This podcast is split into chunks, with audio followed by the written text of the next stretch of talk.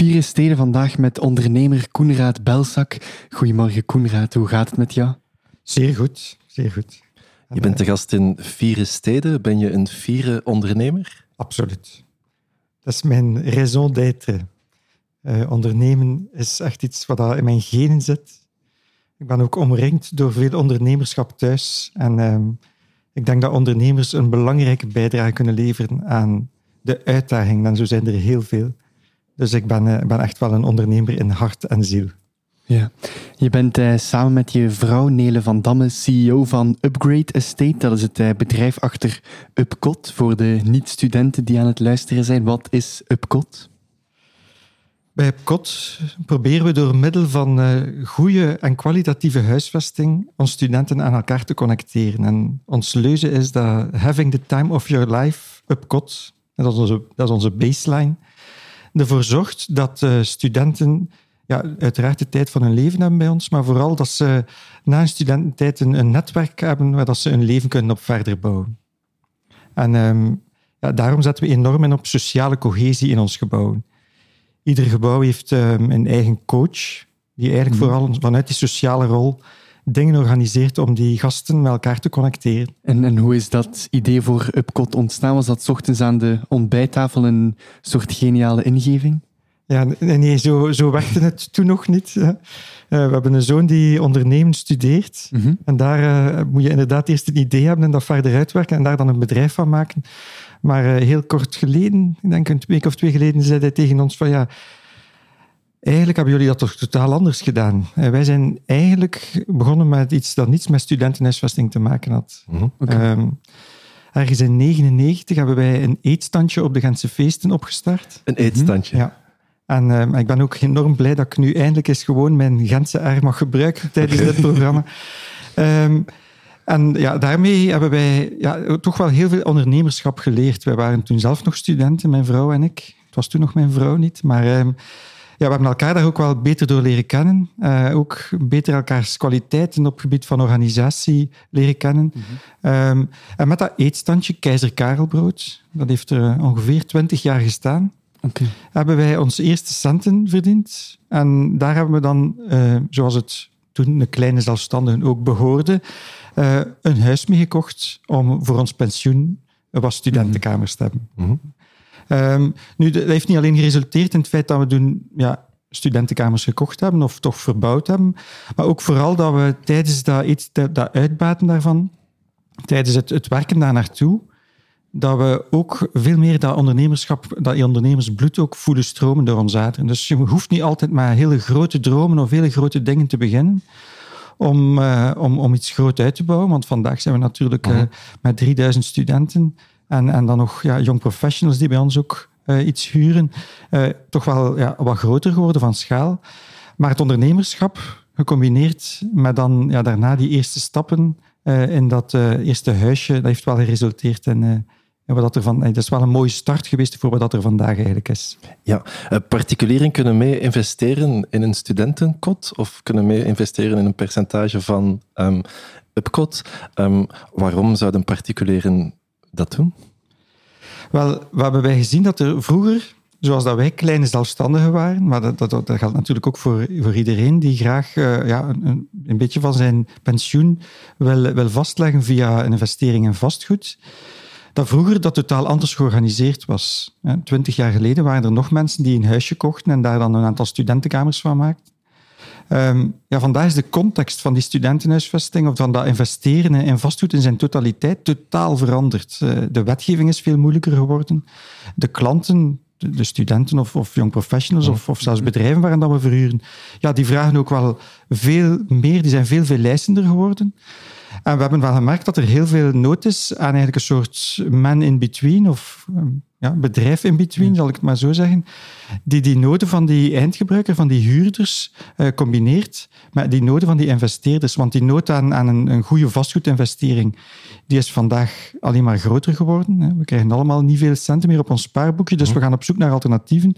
Maar anderzijds willen we door ons formule die instapdrempel en, en ook die ontzorging ja, enorm goed gaan faciliteren. Ja. Zijn uh, jij en Nele dan een soort Uber-kotbazen of heeft elk pand heel veel eigenaars en dus heel veel kotbazen? Ja, wel, die, die groei, hè, mm als we daar zes, ons eerste pand had, had zes kamers ja. en we waren toen zelf nog student. Uh, en voor ons was toen, toen al belangrijk dat we ja, onze studenten konden connecteren. Hè, moet je je voorstellen, twintig jaar geleden, dat is, dat is nog niet heel lang. Hè. Uh, maar toen bestond er bijvoorbeeld nog geen Facebook. Mm -hmm. Dus die studenten connecteren elkaar, dat was eigenlijk makkelijker. Uh, je kon hun heel gemakkelijk uh, een pot spaghetti op tafel zetten en iedereen een keer uitnodigen. En dan was de, uh, de toon wel gezet. -hmm. um, vandaag is dat natuurlijk totaal anders. Wij zijn, wij zijn, veel groter geworden. Maar anderzijds is de context waarbinnen dat die connectie moet, moet, moet kunnen plaatsvinden ook totaal veranderd. vandaar dat wij gezegd hebben, goed, wij willen eigenlijk diezelfde sfeer van toen diezelfde kleinschaligheid gaan vertalen in een concept dat professioneler is, dat zich ook richt tot, tot ja, die investeerders enerzijds, maar anderzijds ook die voor die student in die nieuwe context van vandaag ook een oplossing gaat bieden. En zo hebben wij het concept bedacht om met studentencoaches te werken. Mm -hmm. een tiental jaar geleden, elf jaar geleden om precies te zijn, hebben we onze eerste coach geëngageerd. En toen spraken mensen nog, ja, dat zal een conciërge zijn, hè, die dan zo een beetje mm -hmm. de dingen regelt. Maar niets is minder waar. Voor ons is een coach echt iemand die vanuit zijn sociale gedrevenheid, vanuit zijn sociale passie, veel meer inzet op die ultieme connectie uh, bij onze studenten. En dat doen we nu niet alleen voor, uh, voor, voor onze studenten bij UpCot, maar we doen dat eigenlijk bij UpLiving ook, met Young Professionals, omdat we daar gemerkt hebben dat die formule echt heel goed aanslaat. En we gaan dat binnenkort ook op de loop doen uh, voor bedrijven. Dus daar gaan we dat talent ook proberen connecteren door daar iemand bij te zetten die vanuit zijn sociale gedrevenheid, vanuit zijn sociale passie, vanuit zijn sociale scholing uh, echt die connectie kan, kan waarmaken. Ja, we gaan straks praten met een studentencoach en ook met een paar uh, studenten uh, hier in Upcot. Maar um, jullie gaan voor, voor big. Er zijn niet alleen Upcoten in Gent, maar jullie zitten in alle grote studentensteden. Had je verwacht toen je zo lang geleden begon dan dat het zo groot ging worden? Nee, nee. Het is gaandeweg gegroeid. En, en je, je probeert dan eens iets. Hè, want na zes kamers probeer je er dan twaalf. En dan zeg je, ja, eigenlijk lukt dat ook nog wel. Uh, en dan hebben we een eerste nieuwbouwtje gezet op de Zwijnert Systeemweg met, met zes appartementjes in. En eigenlijk, ja, dan, dan konden we ook al nieuwbouw zetten. En zo zijn we gaandeweg gegroeid tot als we in 2011 toch wel uh, ons eerste grote Upcot-gebouw gezet hebben. Hè. Iedereen weet de cinema zijn, ter platen Upcot. Ja. Dat was ons allereerste Upcot-gebouw. En daar hebben we dan echt die, die, die kaart van die sociale connectie met die studentencoach en die, die professionele benadering echt voluit kunnen trekken. En, en van dan af is het echt wel ja, stijl bergop gegaan omdat ja, je merkt dat je concept aanslaat, dat daar nood naar is. En, en ja, dan, dan, gaan, dan kan je pas echt vol gas geven. Stopt het dan eh, nog ergens met het bijzetten van Upcode-gebouwen? Ja, dat is een, uh, een, vraag die deze week zeer actueel is. Mm -hmm. uh, wij worden uh, enorm benaderd door, door, alle media, omdat er ja. opnieuw naar jaarlijkse traditie een massale loop is op studentenquoten. Um, persoonlijk hebben we daar wel een aantal benaderingen omtrent. Maar we merken toch wel dat de vraag naar kwalitatieve huisvesting uh, dat die heel groot is. Dat er mm. kwantitatief ook wel nog altijd een tekort is. Er zijn er sowieso te weinig in aantal en de kwaliteit kan ook beter. Maar vooral, en daar zijn we toch wel heel fier op, ons sociaal model, mm-hmm. waar we zo hard op gehamerd hebben, dat we zelf zo belangrijk vinden, uh, wordt ook meer en meer ge geproefd en is ook wel echt heel belangrijk aan het worden in, die, in die, nieuwe context die er toch voor studenten ook uh, vandaag is. Er stond uh, onlangs een artikel in De Standaard, onder andere stormloop op studentenquoten loopt uit de hand. Hè, met daarin um, dat de zoektocht naar studentenquoten, en ik lees nu eventjes af, moeilijker wordt dan ooit. Er zou schaarste, schaarste zijn, de prijzen blijven stijgen en eenvoudige quoten maken plaats voor luxe studio's. Is er inderdaad iets aan de hand? Je hebt het daarnet al een beetje benoemd. Ja, goed. Ik heb het ook al eventjes gezegd. Het is een jaarlijkse traditie geworden dat de media rond deze periode het over het tekort aan studentenquoten hebben. Uh, dus in die zin is het voor ons niets nieuws. We wisten het al, dat ging komen. Ja, elk jaar. Ja, maar uh, het, het, legt wel iets anders bloot. Er is een structureel tekort. Um, er is een structureel tekort omdat er gewoon niet genoeg nieuwe quoten bij komen. Studenten willen langer studeren. Er komen ook internationale studenten ons richting uit. We hebben een heel goed onderwijs in België. We zitten bij, met een aantal topuniversiteiten. Um, en ja, we merken gewoon dat er een structureel tekort is. En dan hebben we daarnaast ook natuurlijk die discussie van, ja, het worden allemaal luxe quoten. maar dat vinden wij toch ook wel een hele dubbele, want wat is eigenlijk een luxe kot? De context van een kot is gewoon totaal veranderd. De kwaliteitseisen zijn gelukkig maar gigantisch veel verbeterd. En wij proberen met UpCot iets aan te bieden waarvan dat wij zelf denken, ja, dat, dat is voor ons de nieuwe standaard die we willen maken. Maar dat hoeft daarom niet onder de term luxe kot te zijn. Um, als, het, als er maar kwaliteit gegarandeerd is en als dat sociaal luik ook maar genoeg ingebakken zit in dat beheer. Ja, misschien moeten we het eens aan de, aan de studenten hier vragen. Zijn jullie luxe beesten en zitten jullie in een luxe kot? Um, ik zou het zeker geen luxe kot noemen. Uh, kwaliteitsvol zeker. En vooral in een zeer leuke context, zoals hier al werd gezegd. Dus een leuke context is niet precies luxe, denk ik, maar is wel zeer mooi meegenomen uh, als student. Dus uh, ja, ik zou zeker niet over luxe quotes spreken, inderdaad. Ja, als, je, als je praat met, met collega-studenten die dan niet in UPCOT zitten, is er een groot verschil? Daar wordt er gewoon minder gecontroleerd, waardoor, allez, gecontroleerd in de zin van hier wordt er bekeken, is alles in goede staat, controleer hoe dat, dat in orde blijft. Dus in die zin ligt de er zeer mooi bij. Hier is er een keuken die werkt. Ja, ja. lekkende, ja. We kunnen belletje doen, de microgolf werkt niet en die wordt dan gerepareerd. Dus uh, dat is misschien een beetje luxe, maar het is ook natuurlijk wel leuk uh, dat het allemaal in orde blijft.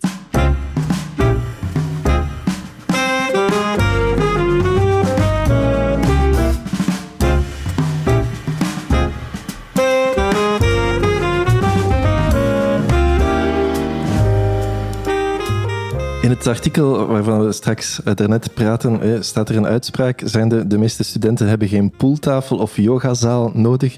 Ze zoeken gewoon een kamer met een bed, tafel en een stoel. En die vinden ze niet meer. Vinden jullie dat de, de student die dat zei um, een punt heeft?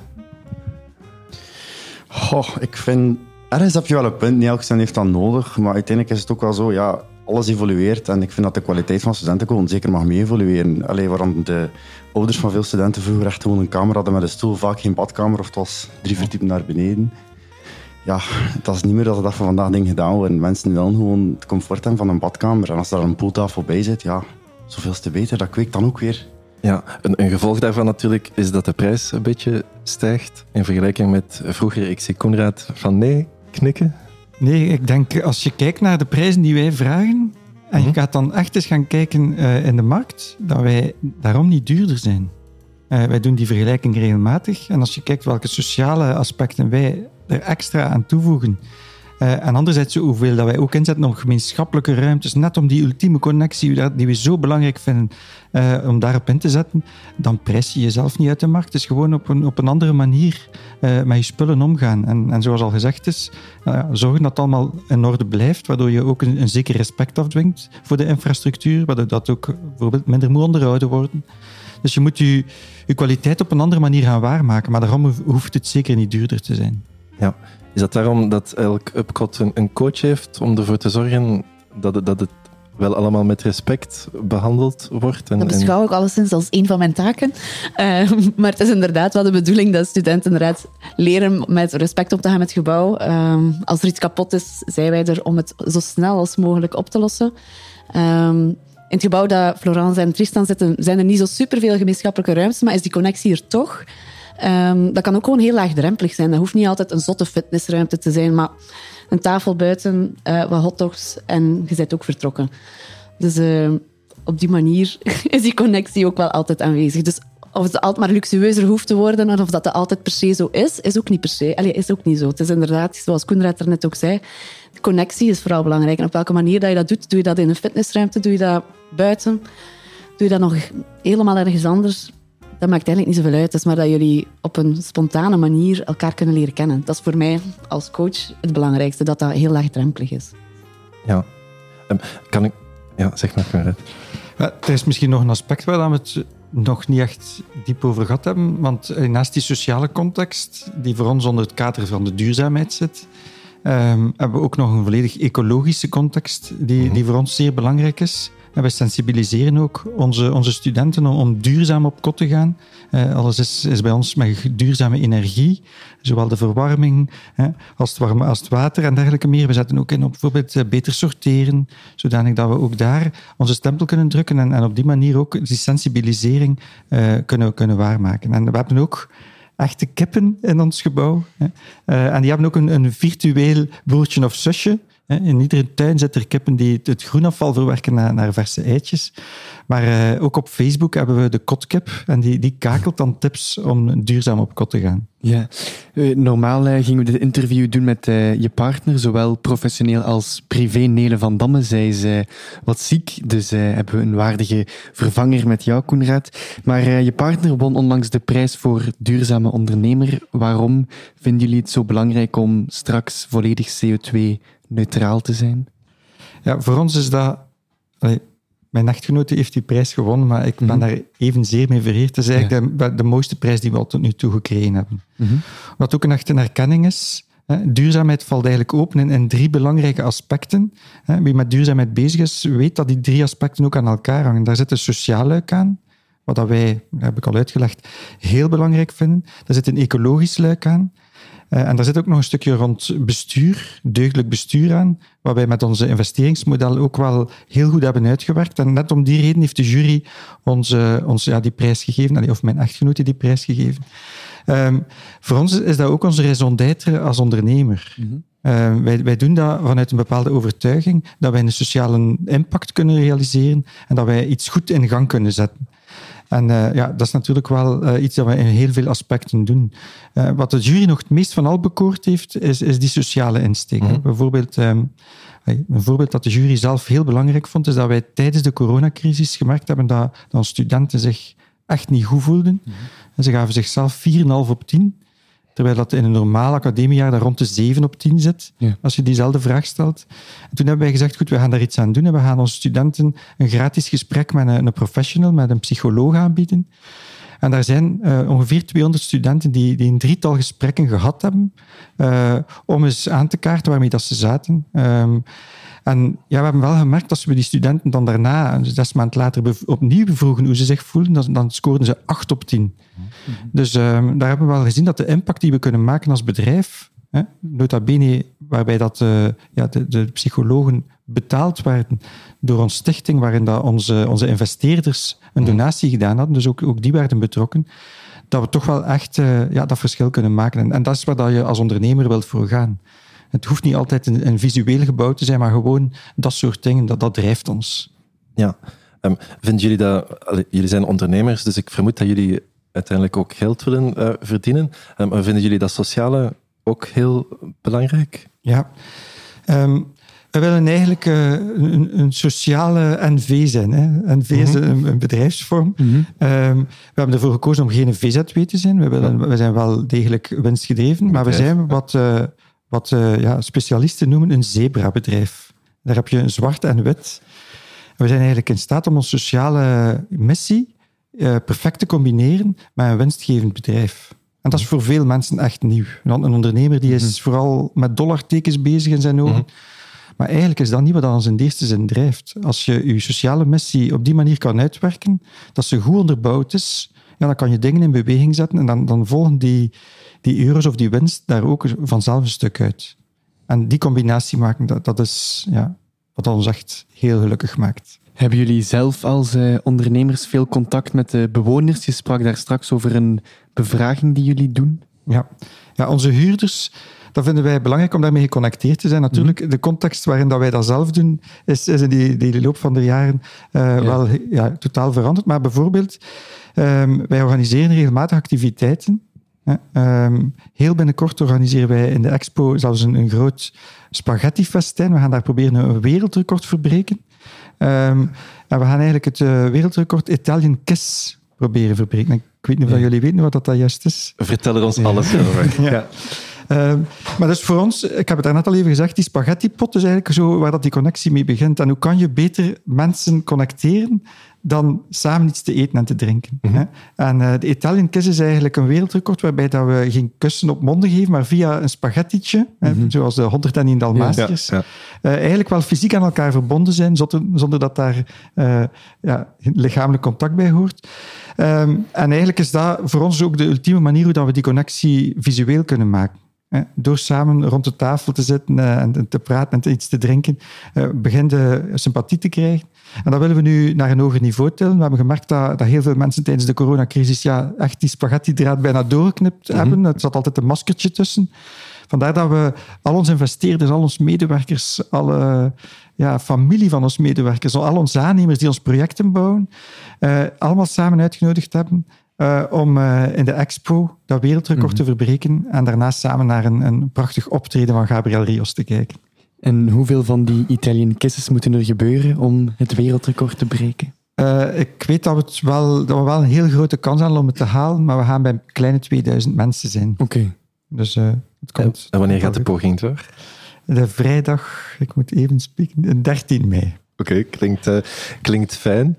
Um, nog eventjes misschien terugkoppelen naar de, de studenten. Um, ik hoor Koenraad vaak zeggen, uh, het, het, zich goed voelen is hier belangrijk met de coronacrisis. En dan die psychologen die betaald werden door, door de stichting. Um, voelen jullie jullie goed? ja, ik zelf ben niet echt een eventmens, als ik het zo mag noemen. Ik ga -hmm, niet altijd okay. naar van die voorgeplande events, maar allee, ik zou er zelf ook over leven, moest ik zeggen dat de mensen die ik heb leren kennen in mijn eerste jaren op kot, dat zijn nog altijd goede vrienden, dat gaan goede vrienden blijven. Allee, wij zitten nu, denk ik, nog met drie mensen op ons verdiep van effectief het eerste jaar op kot. En ja, al die andere mensen die er niet meer op kot zijn, zie ik ook nog bijna dagelijks. Dus ja, dat is wel leuk om zo'n vriendengroep uit te bouwen in Gent, uh, doorheen de tijd.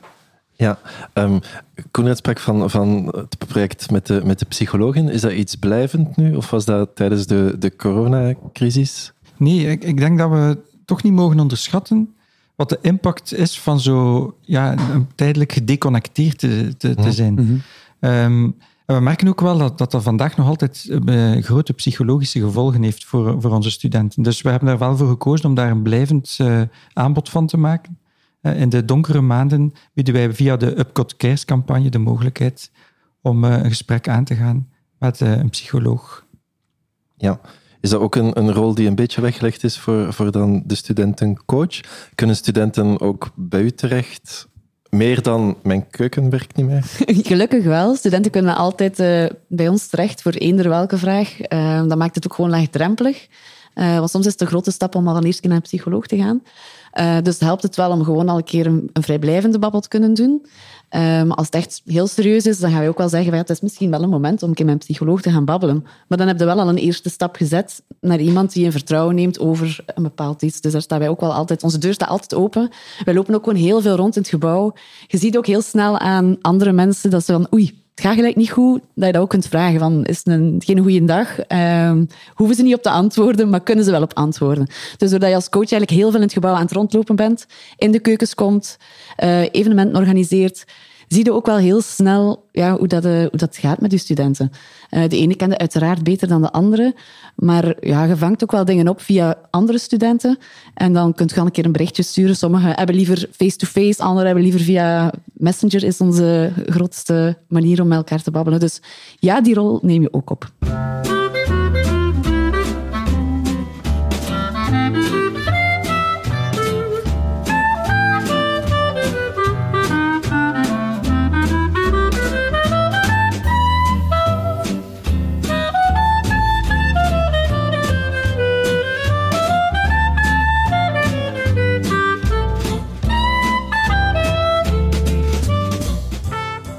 hoog tijd om het over Gent te hebben, want we zijn per slot van rekening een Gens um, radioprogramma.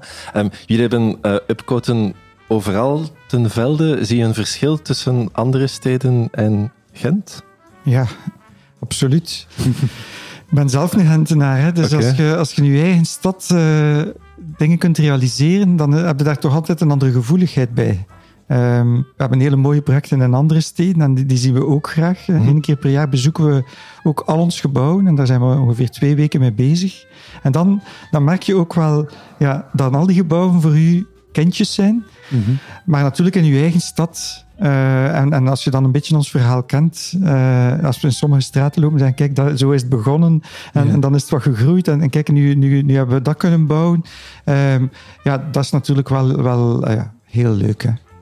Uh, dat is een beetje Gentse feestengevoel mm -hmm. als je je eigen gebouwen uh, ziet, ziet, ziet verschijnen. En vooral als je ziet dat het werkt. Want die gebouwen op zich zijn voor ons maar de decors. -hmm. En zijn maar een middel om, om ons studenten samen te brengen.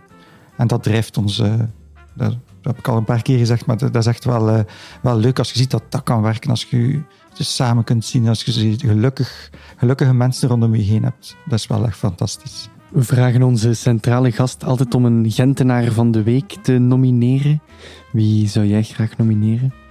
Ik ben ehm, in de hedendaagse context, ja, heb ik het wel voor, eh, voor Tom, Tom van de Wegen. Mhm.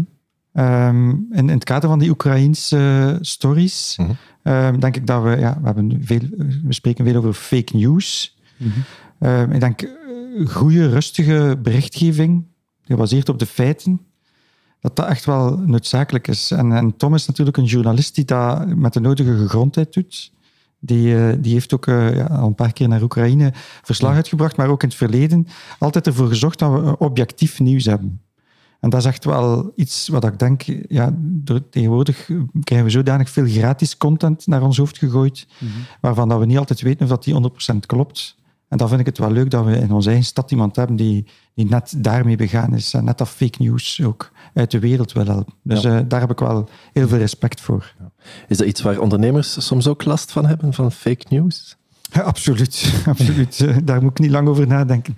De perceptie rond ons bedrijf, ehm, een keer dat je wat groter begint te worden, Mhm.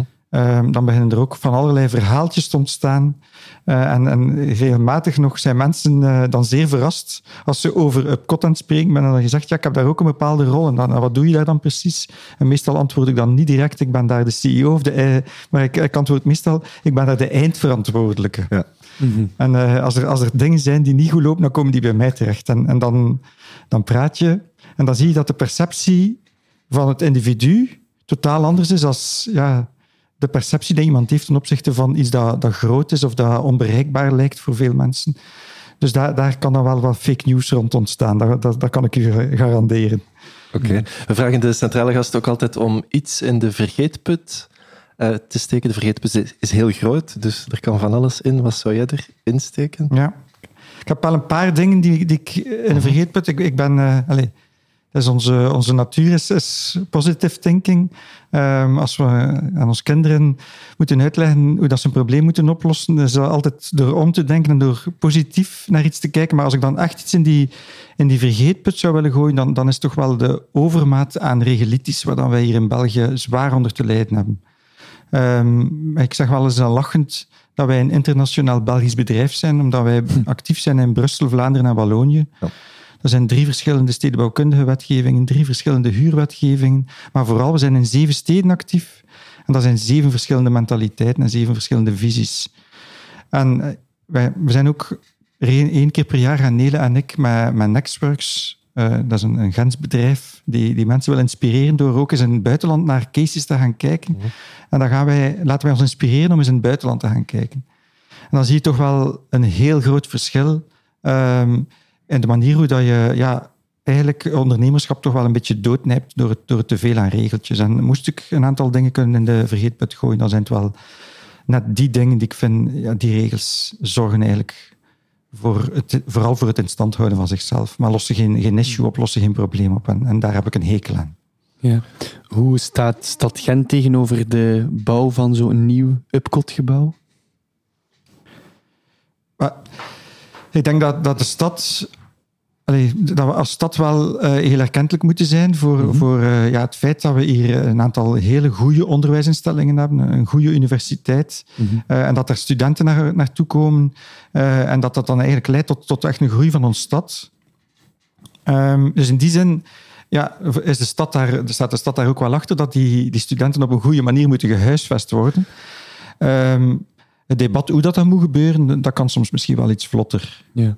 Um, we hebben de neiging om voor alles een taskforce op te richten, om voor alles een studie te laten maken. Mm -hmm. En meestal wordt die studie dan gewoon na vijf jaar nog een keer opnieuw gemaakt, maar is er intussen weinig veranderd. En daar zou ik, ja, wil ik als ondernemer niet aan toegeven natuurlijk. Mm -hmm. Dus probeer altijd met, met constructieve, uh, nieuwe manieren van denken uh, af te komen. Uh, en dat, dat zou natuurlijk wel leuk zijn, moesten daar af en toe een keer een paar dingen echt kunnen van doorbreken. Ja. Um, hoe is de relatie met dan die onderwijsinstellingen, uh, de UGent, de hogescholen? Ja, ik heb dat misschien nog niet gezegd, maar wij hebben in totaal met twaalf onderwijsinstellingen in België een samenwerking op de een of andere Mm. manier. Soms kan dat zijn doordat wij een groot contingent kamers in één keer verhuren en dat zij die dan doorverhuren aan hun eigen studenten. Ehm, soms is dat gewoon een samenwerking omdat we op een campus bouwen. Eh, in Wallonië eh, hebben we ook al zelf een stukje campus gebouwd. eh, in samenwerking met onderwijsinstellingen. Dus voor ons zijn dat natuurlijk belangrijke partners, omdat we ja, vertrekken vanuit dezelfde missie. Dat is om, om die studenten, om die kenniseconomie die we, die we hier toch rijk zijn, om die te ondersteunen. Het een met goed onderwijs. En dan wij, eh, als het even kan, ook met een goede huisvesting erbij. Hè. Ja. Je sprak eh, al meermaals over de sociale belangen van Upcot. Wat zijn de grote dromen voor de toekomst? Ehm, eigenlijk, als het over Upcot gaat, want Mhm. ons bedrijf heeft natuurlijk wel nog, nog Ja. ons andere merken, eh, maar als het over Upcot gaat, zou ik eigenlijk heel graag op een bepaalde dag dat evenwicht kunnen zien in, in die markt. Zodanig dat we kunnen stoppen met ieder jaar opnieuw te zeggen, de, de quoten worden duurder.